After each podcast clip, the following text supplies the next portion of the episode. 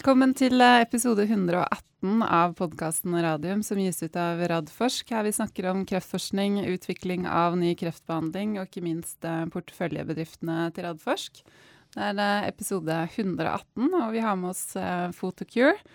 Det er 27.2.2020. Eh, Jonas Einarsson er fremdeles på ferie. Eh, kan tenke meg at det er en del av lytterne våre som savner hans kommentarer, ettersom det skjer litt både, både her og der blant uh, porteføljebedriftene.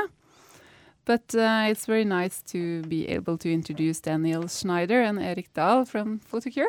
Yep. Nice Thank to you. have Good day. you Thank here. you. Thank you. Yeah, straight from the presentation almost. Yes. Yeah, that's good. Fresh. Yeah, the same uh, same with yesterday with PCI Biotech, so it's Mm. nice to see that you prioritize to come and talk to us. Of course. podcast. Thank you. Uh, before we move along uh, for the presentation, I will just uh, talk about some other news and go back to Norwegian. Mm. Um, vi må jo ha med den faste aktuelt uh, skjedd siden siste spalten, og um, det er vel flere som har fått med seg at uh, Nordic Nanovektor i går meldte at uh, Edvardo Bravo går av uh, som uh, CEO, uh, eller har allerede gått av, og er blitt erstattet av interim-CEO dr. Lars Niba. Eh, Lars Niba kom inn i Nordic eh, som Chief Technology Officer i eh, desember 2019. Uh, og det var også han da som la fram Q4-rapporten til Nordic Nanovektor i dag, på samme tid som Photocure hadde sin uh, Q4-rapport. Um, vi skal ikke gå så veldig i dybden på den rapporten. Jeg tenker vi kan ta det litt mer med Jonas når han er tilbake neste ukene. Men hovedpunktene er da at det ser ut som innrulleringen til paradigmestudien går sakte, men selskapet opprettholder den guidingen som de har hatt hele veien, om at uh, de håper at rekrutteringen skal være ferdig i løpet av 2020, og at de kommer til å søke om markedsgodkjennelse første halvår 2021. Uh, men vi kan heller ta mer om det neste uke når Jonas er tilbake.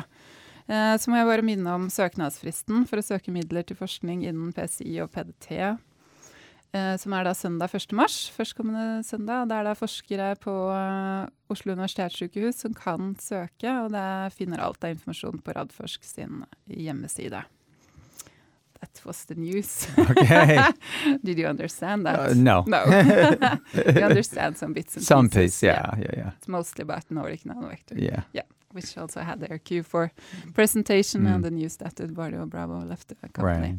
And also we have, uh, I think, uh, due to due to Photocure, we have some uh, grants out for uh, researchers at uh, uh, at the Oslo University Hospital uh, to apply for uh, research Oh, grants in PCI and PDT okay. funding, which I think is funding uh, granted over the years from actually being part of the Yeah. the great uh, uh, what uh, help me Erik the great uh, journey with Photocure. yeah. Yeah. You're right. Um, so Dan, for a new listeners or listener not familiar with Photocure, maybe you can give a short uh, presentation introduction to Sure. the company. Sure. So, if you don't know, Photocure been around since uh, 1997. Started off as a global leader in photodynamic therapies and photodynamic diagnostics. Uh, progressed many different programs and and actually have launched several different companies or have sort of spun off, and certainly products that we've out licensed uh, like Galderma's Metvix and and some other products. Uh, even most recently, Cevira to a company called Asieris. But uh, in 2018, we made a conscious decision to to really leverage the two key assets, or really one, but with two names: Hexvix Cysview, which is used in the detection and management of bladder cancer. Uh, it's a photodynamic ther- uh, diagnostic, and we became and gave ourselves the name the Bladder Cancer Company. And from that, we believe that we can build a platform upon which to really become a true player in the global bladder cancer market. Yeah, because I saw on uh, your presentation to that that that seems to be your vision. You want to build a global and be the leader in this segment Yes. in oncology. Yeah, we see a real opportunity. You know, uh, bladder cancer is is one of the most expensive cancers. It's actually the most expensive cancer to treat, ninth most common. Uh, it had been all but ignored by most researchers for decades, and only in the last decade have we started to see uh, the guys with the checkpoint inhibitors and other devices and drugs coming into play here. So it's a very fragmented market still at this point, and we feel like there's an opportunity once we set a very solid foundation and track record of performance to really do a roll up here mm. and bring some other assets under under our roof. So yeah, yeah. I have a question about the IP later on mm. because I think that's uh, quite uh, fundamental for your for your ability to say that you will be a, a global player. But yeah. we will get back to that. Uh, if we start by looking back on 2019, what do you see as the the highlights and both the positive and, and also the negative. Oh, there's never any negatives and highlights. Those are called lowlights, I think. uh, you know, it, positive growth in all markets, all regions. Uh, certainly, the U.S. is the biggest growth driver. It represents now 50% of our business. Uh, a year ago, it was, it was like 25, 30%, and prior to that, it was even less. So, this growth engine of the U.S. will start really driving overall corporate revenues and, and profits over time. Um, but we also had growth in the Nordics, slight growth. We think there's more growth to be had there. And, uh, and our partner Ipsen in Europe had some growth, and that was a response to some of the pressure we've put on them to respond to their obligations during the, uh, to the contract of providing commercially reasonable efforts. And we feel like in some countries they have not put that effort in there, and so we're putting a lot of pressure on them to to uh, to perform and optimize in Europe. Um, I think that's a uh, you know the financial growth is always a, a, good highlight. I think you know a positive EBITDA, partly driven out of the deal we had with Asieris. Um, you know, I think that was a positive one, and I think the other thing is just a couple different publications or you know uh, um, information coming around the therapeutics effect of the of of Cysview Hexvix. I think is very interesting, and we recently had announced some IP surrounding this uh, on a neoadjuvant use of the product prior to cystectomy. But I think the, the takeaway from all of this is that the product appears to have some level of therapeutic effect under blue light, which is not a therapeutic light source. Generally, red light is a, is a, a proper uh, therapeutic light source, but uh, it, it does show signs of it. Uh, I think the retrospective study by Dr. Gaukes and others have shown this that there is something there. Uh, so we have wrapped some IP on it and uh, intend to just continue investigating it. Now, whether we ever bring something like that to market is to be to be uh, to be determined. But certainly, this information is important to the scientific community. So I thought that was a really important highlight of this uh, of this quarter is, is to talk about the therapeutic mm. and, and the IP. Are you looking into going uh, going into some clinical trials? At this point, no. No. Um, then there's there's reasons for that right now. It's something we're investigating. What would make sense? Is this the product we'd want to take to clinical trial, or would it be another another presentation of this sort of product. And uh, so it could be, you know, hexaminolevulinate uh, connected with a device under red light. You know, that would make a lot more sense to us, perhaps. But certainly, what we have today is a, a product that, if a physician picks it up, has a choice of white light, which has um, less than um, desirable uh, effects in terms of diagnosing and in sur- helping through surgical guidance. So certainly we have advantage there. But then to get this extra advantage, potential advantage, uh, at least in the realm of conscious, is important. So. Mm. Yes. Absolutely, because yeah. there is some extras there. Correct. Yeah. Yeah. Mm, that's good. Um, so no, no negative uh, um, development to uh, to speak about. I'm looking at my CFO. He'd have to surprise me. Why do you look at me?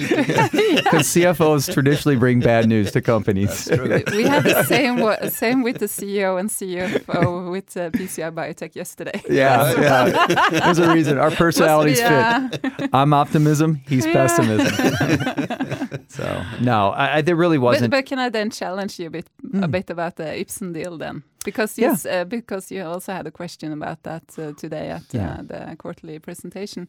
Um, is it is it correctly understood that this is a contract that you can't get out of, as a as Photocure can't get out of? So you're kind of stuck with Ipsen? Uh, you're stuck. Let's put it this way: we're stuck with them. stuck with, stuck with them. Um, so I'll, let me take a little bit step back on Ipsen. So Ipsen was a, a, a a good partner for ours back when we did the deal back in 2010, 2011. They were a different company. They were interested in the product. They thought they would build a franchise of, of project products around it. What has happened over the last nine years is they've evolved into a slightly different company where that has now taken Hexvix and pushed it into a corner by itself. And doing that, you know, obviously they have to make choices on resource allocations and focus and things of that sort. So it hasn't gotten the love and attention that it probably deserves, and we know that. And as we observe the pr- progress through Europe, you know, we see, uh, a, you know, a good penetration rates in Germany are are the you know Austria, Switzerland, the DACH, as we call it. But then the rest of the, the Europe is either uncovered completely or deteriorating slowly. So mm-hmm.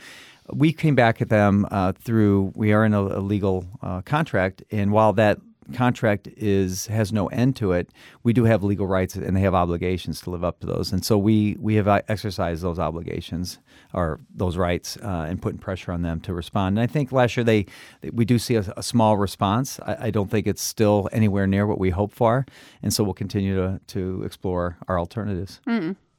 But you do see a growth in, in Europe as I well, do, but definitely. not as big as in the US, which um, you're really pushing it. Not, not. I mean, the US is a much lower, you know, lower pen, overall penetration rate. Europe, especially Germany, is one of the most lucrative countries for these things, and it's already at 30, 35 percent. So, okay. you know, the growth won't be there. It'll be in all the other uh, European countries, including the UK, which at one point was doing a significant amount of business and they've just let it go with no coverage and no no commercial effort.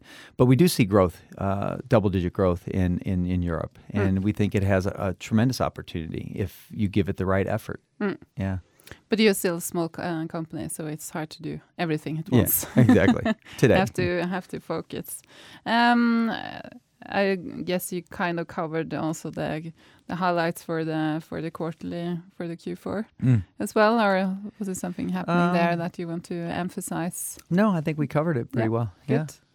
Um, if you can just go into some details, then um, you said that uh, in the presentation you had eight quarters. Uh, I mean, two years with mm. continuous growth. Um, what are your comments on on the on these results, which is really good? Yeah, I mean, it's not often that you see so much continuity and growth, right. and it won't stop here. No, it won't stop. We don't see an end to it. it. What's really interesting, and I try to make this point in my quarterly presentation, also with investors is a product that is nearly 10 years post launch should be flattening out and really not growing at anywhere near this rate. If anything, maybe low single digits. But in fact, we're growing at high double digits, uh, you know, at, at, year eight, nine, ten, and that that's really unique. What's happened is is that you know the five elements of a successful launch and success to a product have all come together. Um, you know, it's the right approval in terms of the the product insert now encompasses not only the surgical side but the surveillance side. Um, it's reimbursement and access. It's patient requests and advocacy.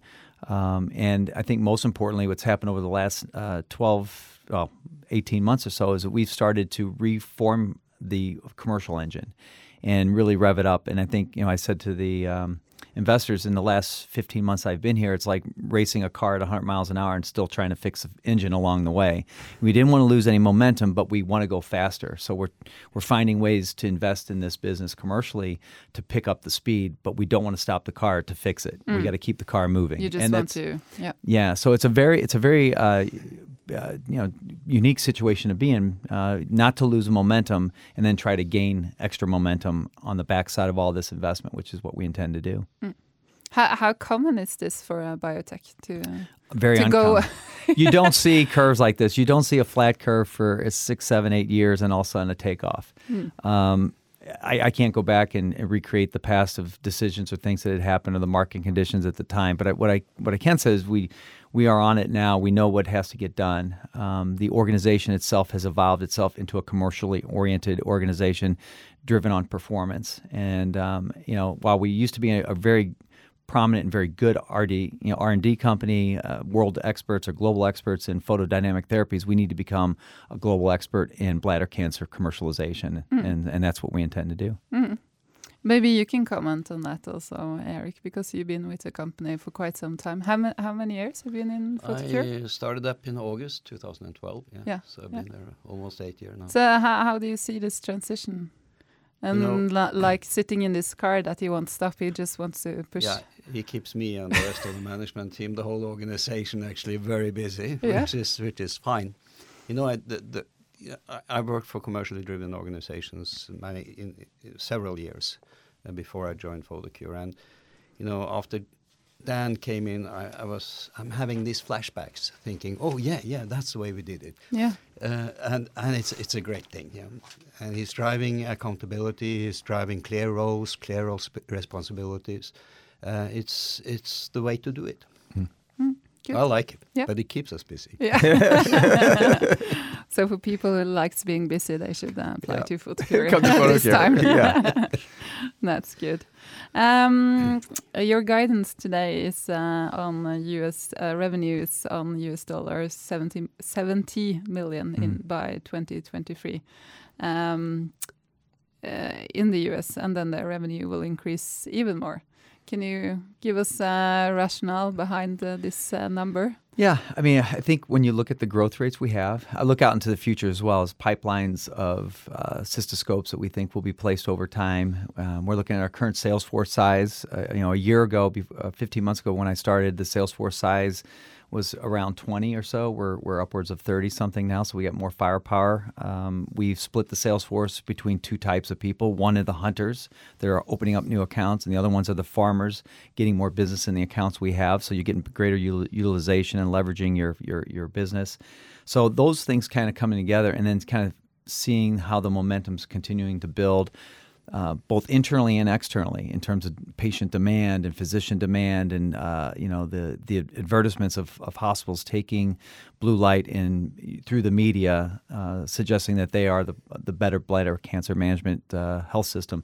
Those are all the things you're hoping come together and I think that will continue to fuel this this acceleration uh, that we're hoping for. And so we yeah we put out the guidance of 70 million by 2023 for the US and I think it's a completely achievable number Mm. And after that, you will continue to grow. and then we continue to grow. Correct. Yeah. There's and you know there's no we don't see any competition, uh, direct competition in this space. Um, the only I would say the only um, maybe ta headwind to us a little bit is the fact that we're in the U.S. we have one capital equipment manufacturer that's Carl Storz. The rest of the world we have access to all three, and that's something that's being worked on both by us and the capital ma- manufacturers. Is trying to find a way to get all three into the marketplace because they they tend to own accounts, so to speak. And for Carl Storz to go into Olympus account takes extra effort on everyone's part to get it in. Not that it, we can't, and we do, and we have, but um, it'd be nice to have all three equipment manufacturers. And I think if that happens, or at least two, we'll see again another uh, inflection point for the company. That would be uh, be very interesting. Um, we were talking about the growth in Europe, so I don't think we have to uh, have to go any more in details on that. Uh, but uh, but I would like to talk to you a bit about uh, the patent that you secured now in February 2020, um, and. Uh, um, also, for the longer run, uh, how do you see that you can exploit this? You're not going into clinical trials now because I Right. think that, as I see the company now, you're you're driving the growth. But uh, in the longer run, what uh, Yeah. Um, so we look at what this might be the options here? Yeah, so we look at this patent. There's there's a couple others that are going to be prosecuted over the summer, and hopefully they they uh, are assigned to us uh, later this year or early next year. The intent of all this is both um, uh, creating protection uh, for our current products, Cysview Hexvix, and also um, possibilities of the future. Right, so it, it opens up op- opportunities that if we do want to pursue s- some of these things, and we believe that it has a, a, a good economic benefit for the company and means something meaningful um, treatment for the patient, we can then pursue it, and we have protection to do so. So in this particular case, this uh, was partly meant as protection. As a generic company looks at companies or products that they want to uh, genericize, they're looking at lots of different things, and one of the things they're looking at is the IP that surrounds it. And up to, to up till just last week, we really just had one IP in the, uh, that was off patent in uh, Europe, and uh, will come off patent in uh, the U.S. in November this year. And so we we felt like we needed more uh, picket fence put around it. So we, we put the IP up. What that does to generic uh, manufacturers is they look at it and they see that that IP. They'll check the Orange Book to see if it's listed, and it, and it will be, and and that will thwart them from moving forward. They, they just see it as more entanglement. Um, even if they challenged our patents, we would end up in a 30 month stay, meaning we get an extra 30 months while they determine whether or not they uh, our patent or not. So it, it looks like a, a, a legal mess to them. And if you have you know not only one but two or three of those, it, it, it gets it gets messy for them. So that's part of the the five sort of hurdles that we've put up in a sense to to really strengthen our IP.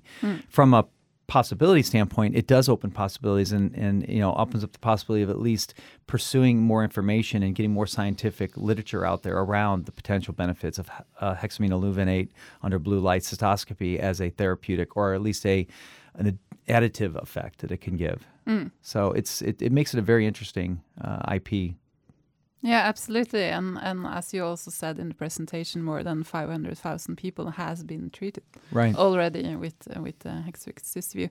So there must be a lot of data to look into if you want to look at it in, in retrospect as a researcher. Right, yeah. right. And, and we have and we have uh, we have patient registries, uh, mm. a Nordic registry that we tap into, and also a U.S. registry that we'll yeah. continue to pull into.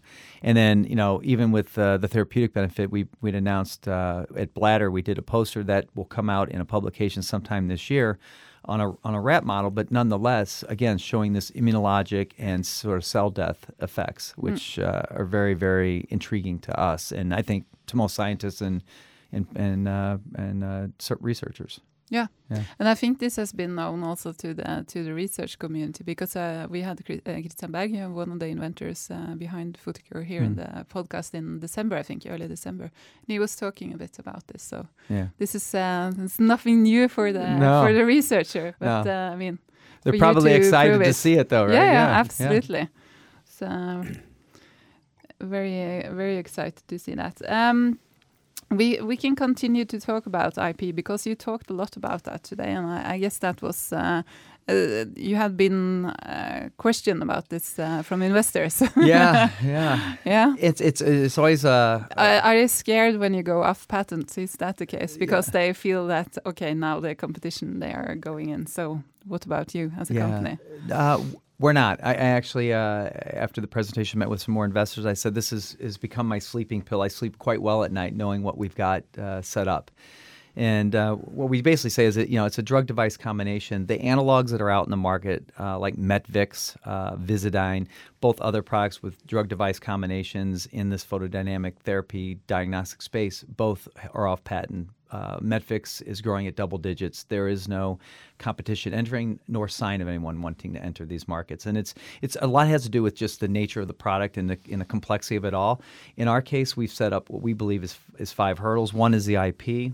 Uh, which we think is important. We have obviously granted IP today. We have data exclusivity in the U.S. on surveillance for another year or so, but then we have additional IP that will be prosecuted from a desk research standpoint, when generic companies look for products to genericize, they're looking uh, into third-party or syndicated data sets. You can't find our product. It's it's it's it's in a bowl of our bucket of products under an ATC classification called other diagnostics. So it doesn't float to the top as wow, look at this product, how much business they're doing.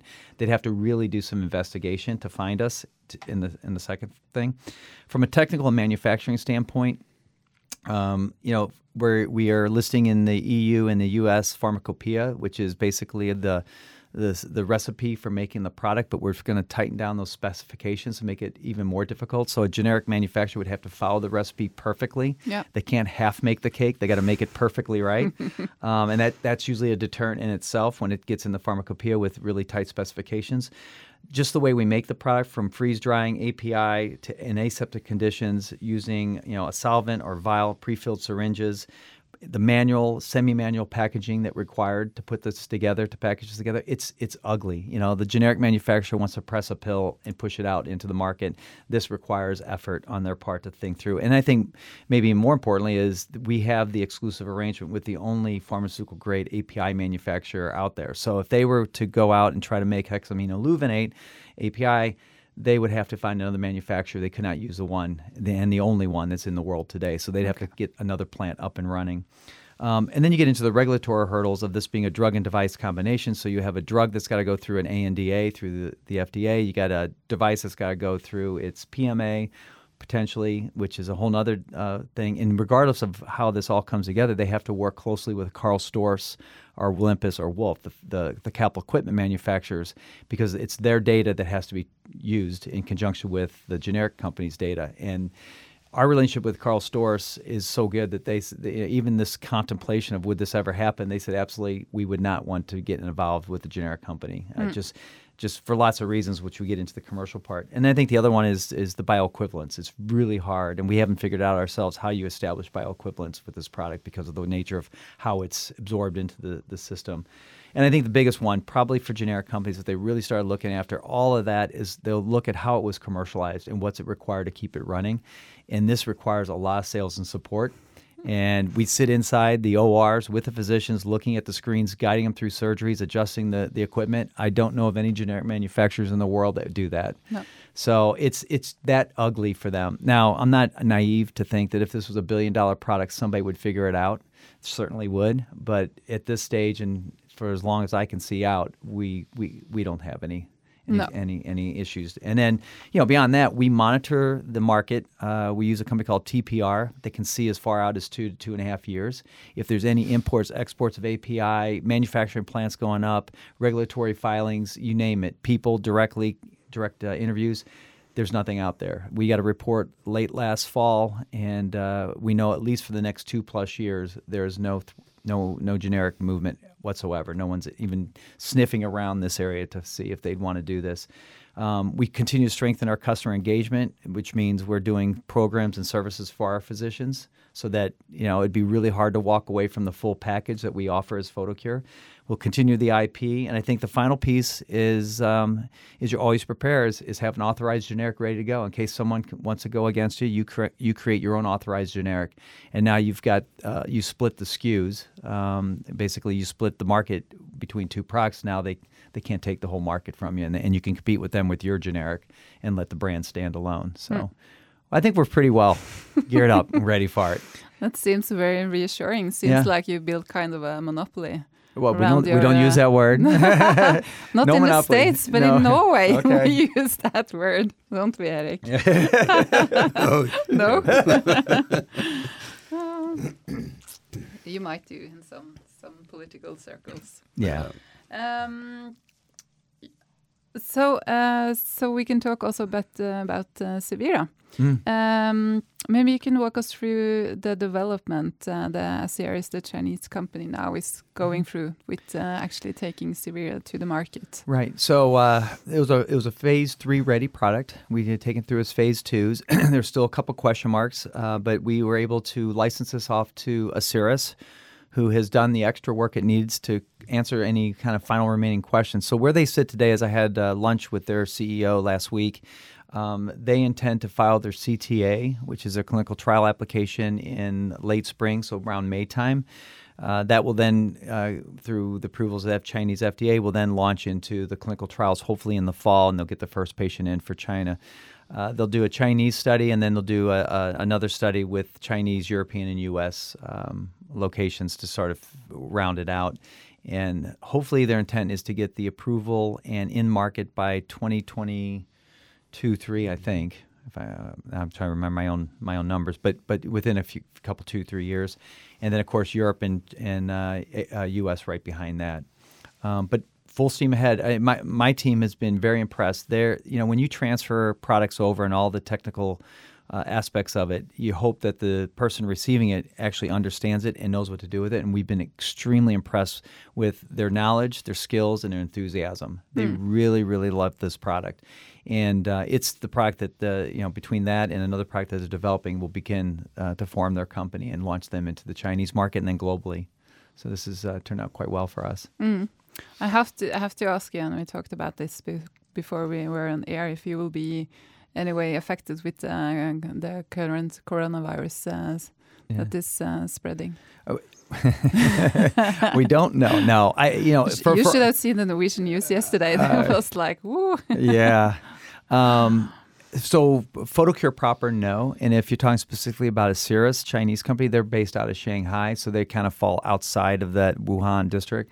Um, I talked to Kevin about that as well, who's their CEO, and he said that right now they they're taking any precautions like anyone would in, in China. If there was a you know, and they don't have any, but they had a if they would have had an employee from Wuhan, they would have probably told them to stay home or whatever. But right now there's it's nothing not affecting them. Their offices are open, they're working full time. So Yeah. we see no effect on our business. No, that's good. Yeah. Good to hear. Um, so, Erik, we have to talk about the finances. It's like uh, Jonas uh, says we finally have a company in the Radforsk uh, portfolio that is earning money. That's cool. yes. The the other ones are spending it on the clinical trials, Yeah. which is a huge expenditure. Uh, so maybe you can give us a short presentation of the financial status. Yeah, right, right. I mean, it's been a great quarter. Fourth Mm. quarter has been fantastic, and actually the full year also, I would say, has been very good. Uh, and it's very much driven by U.S. and and the advances in U.S. I mean, we're driving revenue increases in U.S. in excess of 50 percent.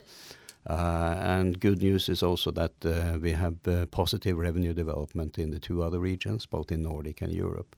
So overall, I mean, we see fantastic growth in the business.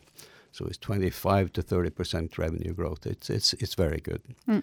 Uh, combined with that, we have uh, obviously also increased our expenses, uh, definitely, and we're investing in the U.S. organization, in the sales and marketing resources there. Uh, If you look at the numbers, analyze the numbers, you will see that the growth rates are declining throughout the year. Uh, So I would say we have the costs definitely under control. And on top of that, you get the Asieris deal, and you get uh, 65 millions of revenue, $5 million of cash. Uh, It helps. Mm. Uh, It increases the revenue with 100 million kroner and drives the EBITDA from negative 10 million to positive 50 million. So it's, uh, yeah, we're definitely developing this. Mm. It's good. You Been a got a question today about dividend, if uh, and then you you were like you wouldn't do that, but that's up to the board. I think your answer was Yeah, that's my opinion. Yeah. Uh, I believe we should spend our money on developing the company further. I think, I mean, when I look at US, we got 45% uh, penetration rate. We should multiply that, Yeah. and we have a target of multiplying that. So, uh, I mean, I think we should uh, Mm. keep on growing the company. investing really. to grow and Yeah, then right. take right. out dividend when in due time. Yeah, Yeah. I agree. Mm. Um, I think we are we're ready to go into for landing, as we say. Uh, but uh, maybe Dan, you can. sorry, um, we can close it up with you sell, uh, telling a bit about milestones coming ahead for uh, for Milestones? Yeah, Ah, milestones. I mean a Um, lot of growth. lots of We've been talking about that. yeah, I think it's, I think it's I think that's the milestone. I think it's it's the growth. Um, uh, you know, we have a, a we now put out guidance for 70 million in 2023. I think to get there, you'll see some accelerated growth as we uh, move through 2020 and into 2021 and 22. Um, continue uh, strategic investment in the U.S. business um, because it it still generates for everything we put into it. It's generating revenue and, and returns. Uh, so we'll continue to develop that. I think things that we're looking at is the utilization rate of the cystoscopes that are placed, continuing to build on that, and that's the intent of those clinical support specialists. Uh, so those are some of the key things I'm looking for. I think the other other thing is just seeing Asieris uh, get that first patient in would be exciting to us because I think so many people within Photocure and within the community have, have have followed this, and I think a lot of people had written it off, but I. I I don't think we did, and, and uh, we found a partner who believes in it as much as we do. So we're excited to see that first patient hit the clinic and, and, and be treated. Mm. yeah, Yeah. that would be a nice milestone. Yeah, Absolutely. yeah. Okay. Thank you so much uh, for coming, and uh, I hope to see you back soon. Maybe after the next uh, quarterly presentation. We'll do. Mm. Thank you. Okay. Thank bye. you. All right.